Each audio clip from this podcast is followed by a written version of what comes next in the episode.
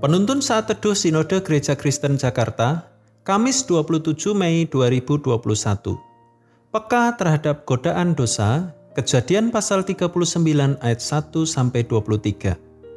Adapun Yusuf telah dibawa ke Mesir dan Potifar seorang Mesir, pegawai istana Firaun, kepala pengawal raja, membeli dia dari tangan orang Ismail yang telah membawa dia ke situ. Tetapi Tuhan menyertai Yusuf sehingga ia menjadi seorang yang selalu berhasil dalam pekerjaannya, maka tinggallah ia di rumah tuannya orang Mesir itu.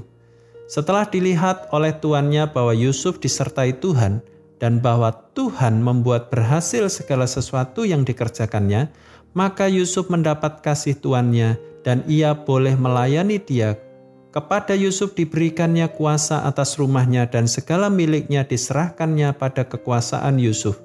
Sejak ia memberikan kuasa dalam rumahnya dan atas segala miliknya kepada Yusuf, Tuhan memberkati rumah orang Mesir itu karena Yusuf, sehingga berkat Tuhan ada atas segala miliknya, baik yang di rumah maupun yang di ladang. Segala miliknya diserahkannya pada kekuasaan Yusuf dan dengan bantuan Yusuf ia tidak usah lagi mengatur apa-apapun selain dari makanannya sendiri. Adapun Yusuf itu manis sikapnya dan elok parasnya.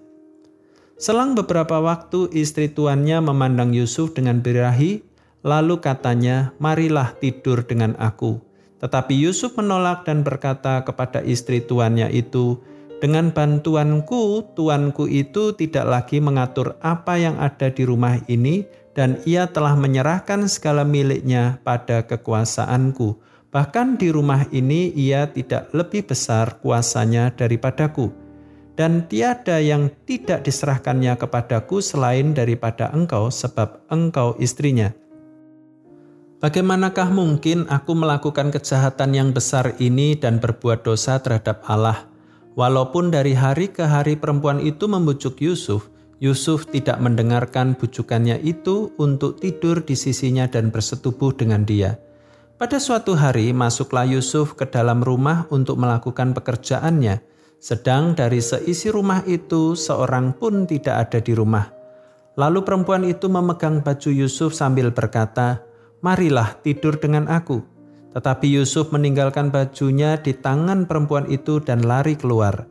Ketika dilihat perempuan itu bahwa Yusuf meninggalkan bajunya dalam tangannya dan telah lari keluar, dipanggilnyalah seisi rumah itu, lalu katanya kepada mereka, Lihat, dibawanya kemari seorang Ibrani supaya orang ini dapat mempermainkan kita. Orang ini mendekati aku untuk tidur dengan aku, tetapi aku berteriak-teriak dengan suara keras. Dan ketika didengarnya bahwa aku berteriak sekeras-kerasnya, ditinggalkannya lah bajunya padaku, lalu ia lari keluar. Juga ditaruhnya baju Yusuf itu di sisinya sampai tuan rumah pulang. Perkataan itu jugalah yang diceritakan perempuan itu kepada Potifar katanya, Hamba orang Ibrani yang kau bawa kemari itu datang kepadaku untuk mempermainkan aku. Tetapi ketika aku berteriak sekeras-kerasnya, ditinggalkannya bajunya padaku, lalu ia lari keluar. Baru saja didengar oleh tuannya perkataan yang diceritakan istrinya kepadanya, begini begitulah aku diperlakukan oleh hambamu itu, maka bangkitlah amarahnya. Lalu Yusuf ditangkap oleh tuannya dan dimasukkan ke dalam penjara tempat tahanan-tahanan raja dikurung. Demikianlah Yusuf dipenjarakan di sana, tetapi Tuhan menyertai Yusuf dan melimpahkan kasih setianya kepadanya dan membuat Yusuf kesayangan bagi kepala penjara. Sebab itu kepala penjara mempercayakan semua tahanan dalam penjara itu kepada Yusuf dan segala pekerjaan yang harus dilakukan di situ, dialah yang mengurusnya dan kepala penjara tidak mencampuri segala yang dipercayakannya kepada Yusuf karena Tuhan menyertai dia dan apa yang dikerjakannya dibuat Tuhan berhasil.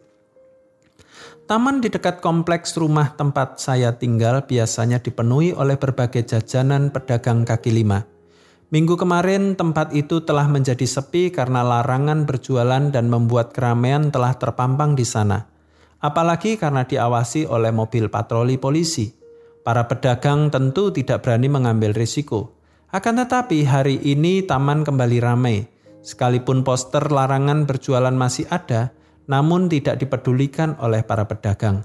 Apalagi sudah tidak ada polisi yang berpatroli, maka mereka pun semakin berani berjualan. Kata seorang penjual gorengan kepada saya, namanya juga Indonesia pak, larangan adalah perintah, katanya sambil tertawa menutup mukanya. Orang yang taat pada pimpinan Roh Kudus memiliki kepekaan pada godaan dosa. Mereka mampu membedakan mana yang salah dan benar. Bukan berarti tidak lagi berbuat dosa, namun mereka peka untuk tidak sengaja melakukan dosa, tidak mengambil kesempatan atau memanfaatkan keadaan. Roh Kudus mengingatkan hati mereka ketika mereka akan melakukan dosa. Inilah pribadi Yusuf. Ketika digoda oleh istri Potifar untuk melakukan dosa, Yusuf memilih untuk tidak melakukannya. Bukan karena dia menghormati tuannya Potifar, tetapi karena rasa takut mendukakan hati Tuhan. Sekalipun kita masih di dunia dan terkadang lemah terhadap godaan dosa, bukan berarti kita bebas untuk melakukan dosa. Banyak orang memakai alasan praktis untuk membenarkan sikap ini. Kata mereka, "Ah, namanya juga manusia, kilaf, atau Tuhan pasti mengerti keadaan saya.